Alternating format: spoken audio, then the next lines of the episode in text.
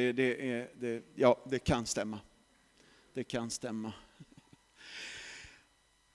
Hörrni, rubriken på kyrkoårets text idag är påskens vittnen. Och jag har våndats hela veckan och eh, igår kväll och lite grann in i, i natt för att jag har någonting på hjärtat eh, som rör påskens vittnen men som utgår ifrån psalm 137. Och påskens vittnen är ju de som har varit med om uppståndelsen och psalm 137 är ju de som inte fick någon uppståndelse. Alltså det är en av de deppigaste psalmerna som finns överhuvudtaget. Alltså den är inte bara deppig, den är nästintill lite, lite ondskefull på slutet. Så jag har eh, våndats i veckan, alltså hur ska jag få ihop det här? Och nu kommer ni att få våndas för att liksom, hur ska han få ihop det här? Så att eh, eh du som gillar att be, nu, idag kan du få utveckla ditt böneliv ordentligt. Eh, för nu ska vi försöka föra ihop påskens vittnen med psalm 137. Och till att börja med läser vi psalmen. Eh, den finns på väggen, det är bara sex korta versar, men jag har varnat er, de är lite mörka. Så är ni beredda på det nu då? Ja, det är bra. Eh, sådär. Eh, tveksamhet, sådär bara, måste han verkligen göra det här? Ja, det är tyvärr, problemet är så här idag. Vid Babylons floder satt vi och grät när vi tänkte på Sion. I pilträden som växte där hade vi hängt upp våra lyror. De som höll oss fångna bad oss att sjunga. De som släpat bort oss bad om glada visor. Sjung för oss en sång från Sion. Men hur kunde vi sjunga Herrens sånger i främmande land? Om jag glömmer dig Jerusalem, må min högra hand förlamas. Må min tunga fastna vid gommen om jag inte tänker på dig, och om jag inte sätter Jerusalem högre än all annan glädje.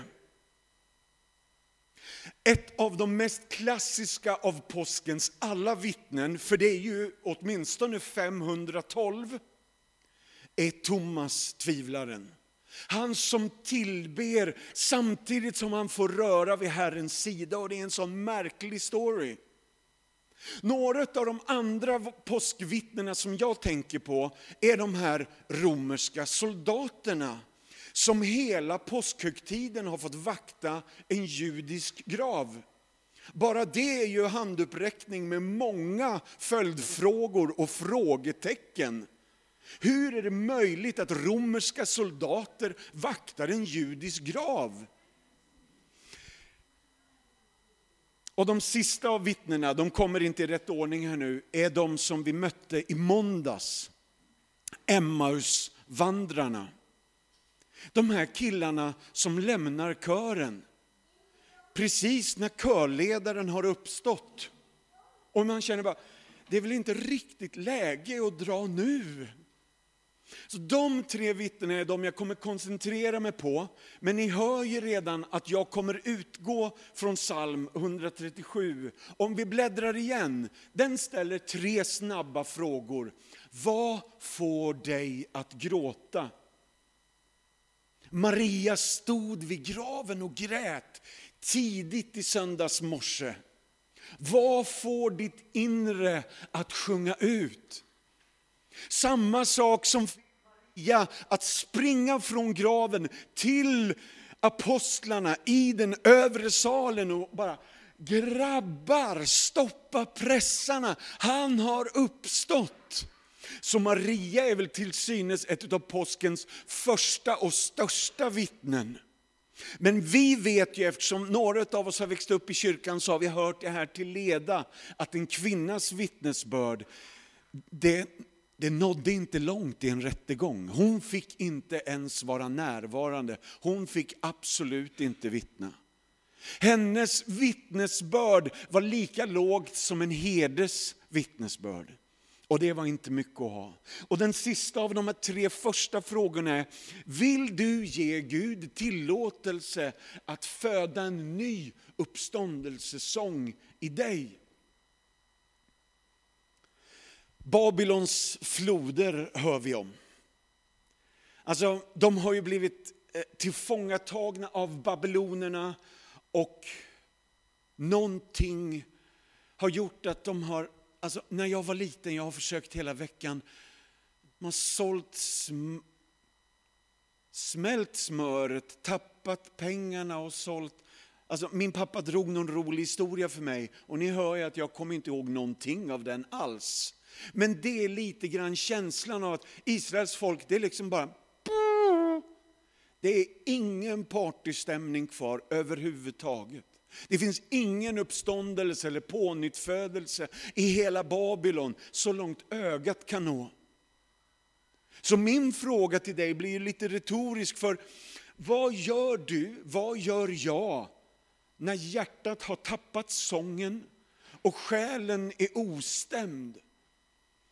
Det första vi hör i den här dagens text är att häng inte upp din harpa. Och med andra ord, sluta inte sjung för liksom alla börjar fråga, nej men jag har ingen harpa eller jag, jag har inget pilträd. Men nu är det bildspråk här och vi får leva oss med det lite grann. Och sen den andra grejen, häng inte upp din harpa. Två är, sitt inte ensam. För att i vår ensamhet så blir det svårare att på liksom kliva vidare och ta ett nytt tag. Och det tredje, fall inte för frestelsen att misströsta. Och det är där vi kommer in i Lukas 24 och vers 13. Och vi har inte det på sliden, men det står ungefär så här. Samma dag var två lärjungar på väg till en by som ligger en mil från Jerusalem och som heter Emmaus. Alltså, ibland så lämnar vi löften som lever. Alltså döda löften är ju inte konstigt att man lämnar. Men det här är ett levande löfte. Han är just uppstånden och egentligen borde vi närma oss honom och det löftet som han har fullbordat och kliva in i gemenskapen med varandra. Men Emmausvandrarna tar en två timmars promenad och lämnar kören. Alltså, varför, varför överger vi saker så snabbt? Kunde vi inte bara dröjt kvar lite grann och sett lite hur söndagen utspelar sig? Den, vi vet ju inte, den ene heter väl Kleopas och kan vara en släkt i släkten med Jesus, men vi vet inte riktigt. Den andra är namnlös och där går de ensamma och en tredje kommer och sluter an på vägen. Och ju närmre, så att säga, de kommer honom, ju mer återuppväcks sången. Och ni märker när Jesus bryter brödet och delar vinet, då kommer de ihåg refrängen. De bara, vad gör vi här Kleopas? För de var nämligen göteborgare, Kleopas och hans kompis. Vad gör vi här i Emmaus när kören är i Jerusalem? Och så gick de, eller sprang tillbaka hela vägen. Därför att ögonen hade öppnats och sången hade återvänt. Så min första av fem frågor är nu då, kan det vara så att någonting har fått dig att avsluta något, ge upp något, kasta in handduken och kapitulera inför några omständigheter som för dig känns övermäktiga. På bibliska är frågan, har motståndet gjort att du har tappat sången? För uppenbarligen är det så att Kleopas har varit en av de 70 som har följt Jesus ganska länge. Och tre gånger har han sagt, grabbar och tjejer, jag ska uppstå. Innan dagen är över har Kleopas, nej, vi går hem igen. Det känns smart. Eller, ja, vi, ja, kanske inte smart, men ja, vi går hem. Det blir inget mer med det här. Och om inte saker och ting blir som jag har tänkt oss, lyssna nu, då går jag alltid tillbaka till det som är familjärt, till det jag kände igen, till det som skapar trygghet och rutiner. Så min fråga till oss idag är ganska liksom utmanande. Har jag lämnat Jerusalems uppståndelse för en reträtt till mitt gamla vanliga Emmaus?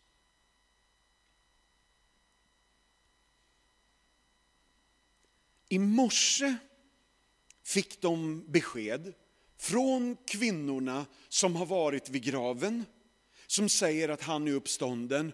Och Kleopas bara, mm, mm, mm, tjejer alltså. Nej, det står inte i grundtexten att han säger det, men, men det är vad han tänker. Och så går han hem. Utan att kolla, har, ha, har tjejerna rätt? För det, ryktet gick ju att tjejerna gick till graven och skulle liksom smörja och allt möjligt med, med olja. Och, nej, vi, vi, vi skippar fakta och så går vi hem till det som är tryggt, invant, det som är rutin, det som är liksom klassiskt old school. Och så kommer Jesus på vägen och vill förändra vårt vittnesbörd. Till dig som är lovsångsledare, har du hängt upp din harpa i ett pilträd så är det dags att ta ner den igen. Det är dags att damma av lovsångshäftet och blåset, blåsa liv i den nådegåva som Paulus säger att Timoteus hade och börja sjunga igen. Sjunga än mer om det hoppet eh, som den här morgonen innebar. Punkt nummer två. Jag måste kolla på klockan bara så vi hänger med. Punkt nummer två. Tydligen så vet din fiende om att det finns en uppståndelsesång i dig. En uppståndelsesång som bor i dig och den har sitt ursprung i Sion. Fångvaktaren, nej, han vill inte sjunga, säger psalm 137. Och soldaterna i den här storyn som vi har idag, de är ofrivilliga vittnen. För om Kleopas kliar sig i huvudet och tänker, ja, jag går hem. Det kan inte soldaterna göra. För de har en överste överste, en chef att svara inför. En chef som har tillsatt dem, lyssna nu, nu får jag feeling här, det, det smäller och sladdrar och slår. Vi måste flytta på grejer. är ni med? Fyra soldater jobbar i fyra timmars skift sen fredag kväll till söndag morgon. Det kan vara så att det är fyra soldater al-Tutti hela tiden som en sover, de andra tre vaktar, nästa sover, de andra, ja, och så håller det på så. Eller så kan det vara 50 soldater som byts av var fjärde timma. Så att man har fräsch, färsk liksom soldat på plats. Och jag skulle bara vilja säga, de vaktar en död. Alltså, hur, hur många vaktar en död? Sådär. Ja, vi behöver nog sätta ut vakter på den här killen, alltså, han är lite tvivelaktig. De har hört om uppståndelsen, de har hört att lärjungarna möjligtvis kan komma, men likväl, romerska soldater vaktar en död judisk man. De har till och med, några av de här har säkert varit med vid Golgata och sett när han dog. Så några av dem är till och med lite skakade, för en av deras officerare, som var tillsatt att stå nedanför korset och liksom överinse hela situationen. Han har gått och blivit frälst. Och inte bara sådär, ja han blev frälst i det tysta, utan han bara, den mannen måste ha varit Guds son. Så det är inte bara så att de här soldaterna tycker att ja, men det här blev en annorlunda påsk, hörni. det får vi väl ändå säga. Utan de är fullständigt omskakade bara en av våra chefer har gått bananas. Och nu är det inte grundtexten jag citerar. Kan vi hålla den dörren stängd vore det toppen. Eh, så en av deras chefer har gått bananas och de vet liksom inte hur ska vi göra med det här nu då? Så de vaktar graven eh, nitiskt. De är duktiga på sitt jobb, men på söndag morgon upptäcker de ett problem. Och nu skulle jag bara vilja räcka upp handen. Det är inte bara så att han som ligger i graven är död, utan graven är stängd med en, vad heter det, det heter inte stor sten utan det kallas för något annat, jag kommer inte på ordet nu. Och den stenen rullar i en skena. Det finns de som menar att den stenen kan vara flera ton tung. Och den rullar i en skena som sluttar inåt mot gravporten. Är alla med? Så att den är på det tyngsta stället, det svåraste stället att få loss den och den står framför porten. Och nu vill jag räcka upp handen igen och säga, utöver det så är det ett romerskt sigill runt stenen. Anledningen till att det här är viktigt är därför att de här vittnena vi pratar om nu, de är ofrivilliga vittnen. De har inte valt att vara där, de är ditkommenderade. Så om nu stenen har rullats i en sån här sluttande ställning, är så tung och har blivit sigillad av romarna, alltså deras egna ledare har stängt den på något sätt. Jag vet inte hur, men det är ett sigill. Och lyssna nu då, om någon bryter ett sånt sigill så är straffet för det döden. Det är bara bra att veta all den här bakgrundsfaktan. För det som händer nu är att chefen ringer, hör på att säga, och kallar in alla de fyra eller alla de 50, hur många de nu var, det vet vi inte. Och så säger han, vad har hänt? Om Kleopas kliade sig i huvudet och bara, vi går hem till Emmaus, så kan vi ändå känna att de här killarna, eh, eh, säg det du. Är, är ni med? Ingen vill ta ansvar för det här. Därför att det här är djupt problematiskt. De är ofrivilliga vittnen till att någonting har hänt. Den astunga stenen har rullats upp för sigillet är brutet och en ängel satt på porten. Och då står det i evangelien att de föll som döda för hans fötter och jag bara det är, så funkar jag. Jag tycker det här är inte bara jätteroligt utan helt fantastiskt. För frivilliga vittnen, det är jag med på. Alltså att lärjungarna ville att Jesus skulle uppstå, det är jag med på, för det ville jag med. Men de här romerska soldaterna, ja, ni fattar ju, de är i andra ändan av den här frågan. Då. Vi bläddrar igen. Glöm inte att Guds historia är din framtid. Om jag glömmer dig, om jag inte tänker på dig, om jag inte sätter Jerusalem högre, vad blir det av mig då? Det sättet som vi som Guds folk minns vilka vi är, det är genom att läsa den här boken och sjunga den här boken.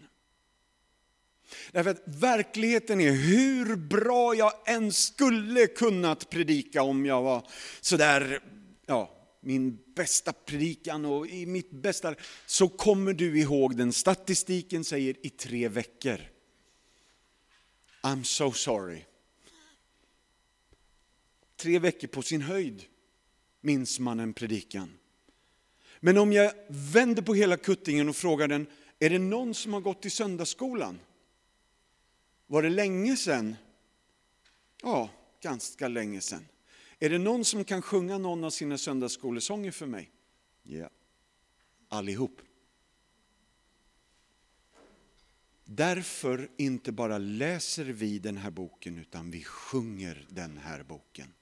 Du svarade själv på varför vi sjunger den här boken. Varför det är så oerhört avgörande och viktigt för oss. Punkt nummer tre nu då. Hemlängtan. Vilken är den bästa sången att sjunga i fiendeland? Retoriskt så är svaret, det är sången om rättfärdighet och Jerusalem. För i Jerusalem blir Gud uppenbarad. Och nu när vi är vid påsken så säger vi inte bara Gud uppenbarad, utan Gud uppstånden. Uppstånden Gud. Alltså, av de sånger som finns från den första kyrkan så tänker man att ja, det är ju härligt att våran Gud dog i vårt ställe och att det skulle vara fokus. Och ja, sångerna innehåller berättelsen om korsfästelse. Men liksom slutrefrängen i alla sånger, jag ska inte säga alla, men i de flesta sånger vi har från den första tidens kyrka, de målar stora bilder av uppståndelsen.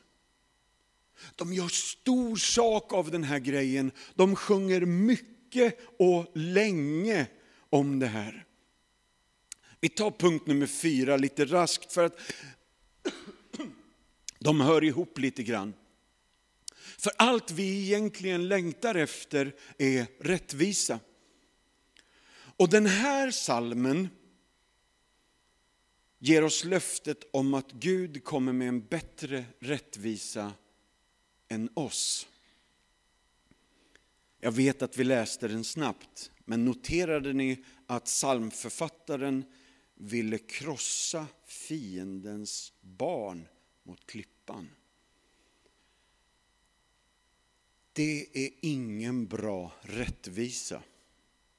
Det är ju öga för öga, tand för tand. Och det var en bra gränssättning i hela gamla testamentet skulle jag vilja säga. Det är viktigt att Israels folk, Gud satte en sån gräns. Därför att folken runt omkring, de var öga, alltså eh, vad hette han, Muhammad Ali, han sa om du rör min katt så bör du låsa in din hund. Är ni med?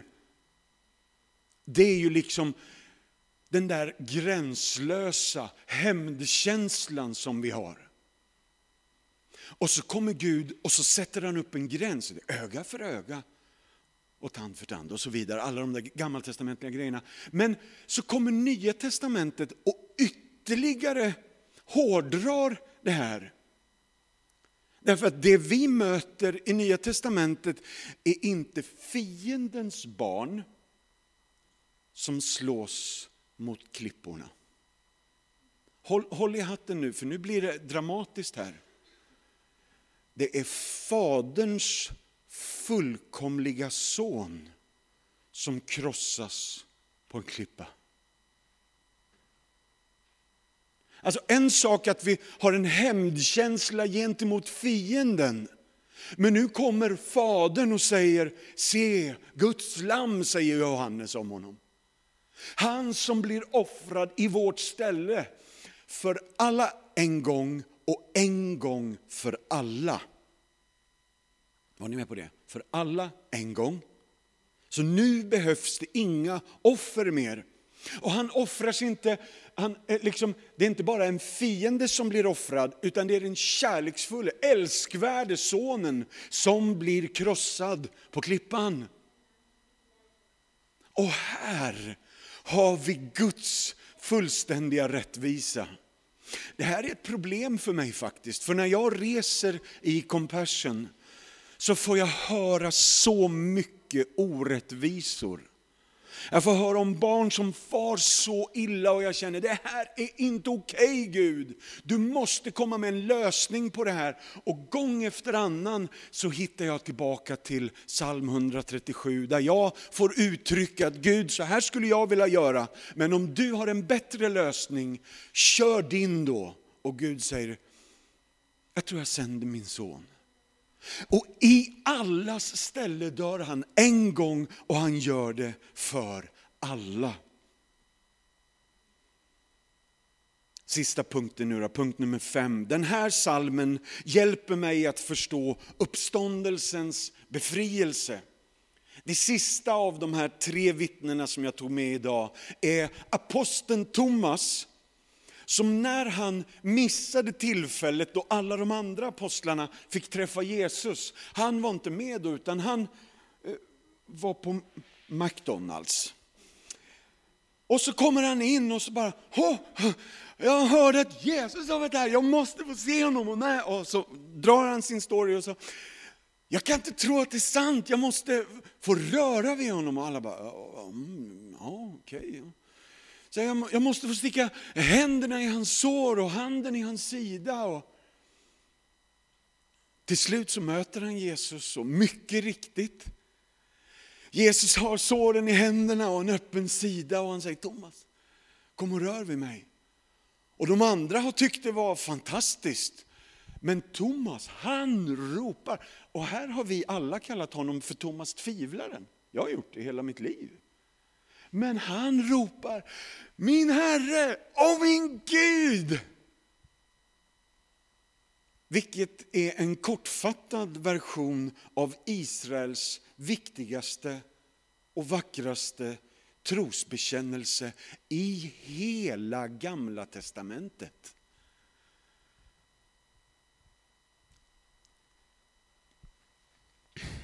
Alla apostlarna dog martyrdöden förutom Johannes, tror man. Tror jag, eh, tror jag säger rätt nu. Den av apostlarna som tog sig längst ut i världen är troligtvis Thomas. Han som vi kallar tvivlaren. Men han som vi efter idag bör kalla killen som vågade säga som det var i ett märkligt läge. Han som sjöng när de andra, och Kleopas gick hem och soldaterna kände, ja, nej, jo, ja, men ja, jo. Och så kommer Thomas och ropar en lovsång som är min Herre och min Gud. Jag måste bara få berätta en historia om en av de världsledande, mest kända violinisterna i hela liksom, eh, symfonivärlden. Så jag kände inte till honom förrän jag hörde den här berättelsen. Men han heter Joshua Bell och är liksom erkänd som en av toppnotch violinisterna i världen. Han och några kompisar, kanske någon journalist på New York Times, tog ett beslut om att vi ska testa en idé. Joshua ställer sig med sitt fiolfodral vid någon av liksom alla pendelstationer eller liksom eh, tåg, inte tågcentralen, utan vad heter det när man liksom har en tunnelbanan. Tack. Precis innan man åker ner i rulltrappan så stod Joshua där och lirade gratis. Alltså jag vet inte hur många timmar de höll på, men de gjorde ett studie av allt det här. Och de gjorde en lång artikel som du kan läsa om i New York Times. Hur länge han stod och hur många som gick förbi. Jag tror Ah, jag vågar inte säga hur många hundratusentals som liksom den eftermiddagen svorsade förbi. Det kostar si och så många eh, dollars att höra Joshua Bell spela på operan. Alltså folk betalar jättedyra biljetter för att höra honom lira, men här svorsade alla förbi bara. Så min, min slutkläm idag är att jag tror att Gud vill föda en ny uppståndelsesång i mig. Där jag inte missar att Jesus är min Joshua Bell och vad hette nu den här tågstationen? Eh, eh, tunnelbana, ja. Det är ett väldigt svårt ord som sitter långt inne här. Så att Jesus är min Joshua Bell och jag går till min tunnelbanestation. Tänk om jag ska stanna upp då? För verkligheten är att i det här så är jag i närheten av storheter. Och i närheten av hans storhet finns möjligheter, mirakler, under och tecken. Men risken finns att jag bara jagar på. Trots att uppståndelsen är en verklig verklighet. Ja, jag har egentligen redan sagt det, men Thomas är tydligen den som vi ibland tycker tvivlade mest, men han är också den som gick längst. Det finns fortfarande en stor församlingsrörelse där borta i Indien som kallar sig för Thomas kristna.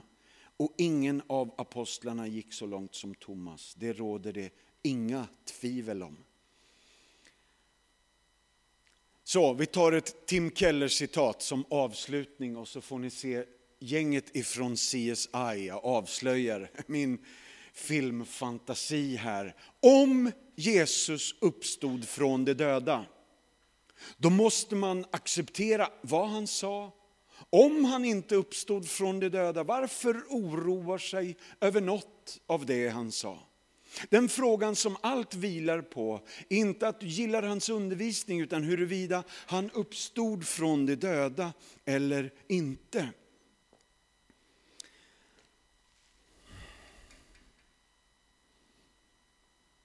Vi har haft påsklov med familjen och ehm, var det förra tisdagen eller i tisdags så beslöt vi oss för att sätta oss ner sent på kvällen. För när familjen har lov så bryts alla tider. Även om jag jobbar på dagarna. Så vi satt och kollade på film. Sent på kvällen så började vi med eh, eh, The Darkest Hour. Eh, en film om Winston Churchill från 2017. En riktig höjdare skulle jag vilja säga. Visste du att när Winston Churchill dog i England så var det ju liksom nationssorg. Och vad heter St. Paul's Cathedral heter den, den här stora liksom, katedralen mitt i city. Den var fullpackad till sista bänk och läktare. Och här då, Winston hade bestämt vilka sånger. Många om uppståndelsen, många salmer, mycket liturgi. Och längst fram i kyrksalen på både höger och vänster sida är det två jättestora, kolossala pelare. Bakom dem hade Winston, det här är ju spacet, han orkestrerar hela sin begravning. Där hade han ställt hornblåsare. En rejält duktig trumpetare bakom den stolpen. Så precis när hela gudstjänsten ska avslutas och välsignelsen ska läsas och prästen lyfter sina händer. Och i en liten passus, en paus, så hör alla hur hornblåsaren tar i så där som bara en ensam trumpet kan göra. Och så blåter han, blå, blåter, han blåser vad, vad heter den? Heter tartu? Ta, tapto. Tack för hjälpen du. Borde sitta här framme och vara min sufflör varje predikan. Han blåser tapto. Och det är ju liksom militärens aftonbön. Nu är det slut för idag, nu ska ni gå och lägga er. Eh, borsta tänderna och ja, sådär. Och så en liksom avslutande sång för dagen. Och alla tyckte, åh vilken fin symbolik! Att Winston Churchill hade liksom beslutat sig om att Taptu skulle läsas. Men grejen var ju att när välsignelsen var klar och över så hade ju Winston en till där, bakom den stolpen.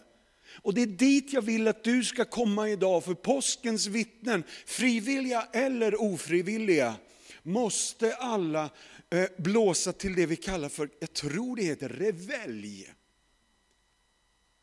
God morgon, god morgon, nu är det dags att stå upp. Det är vad revelj innebär. Och idag är rubriken Påskens vittnen och jag tror att Gud vill blåsa revelj i allas våra liv. Nu ber vi tillsammans.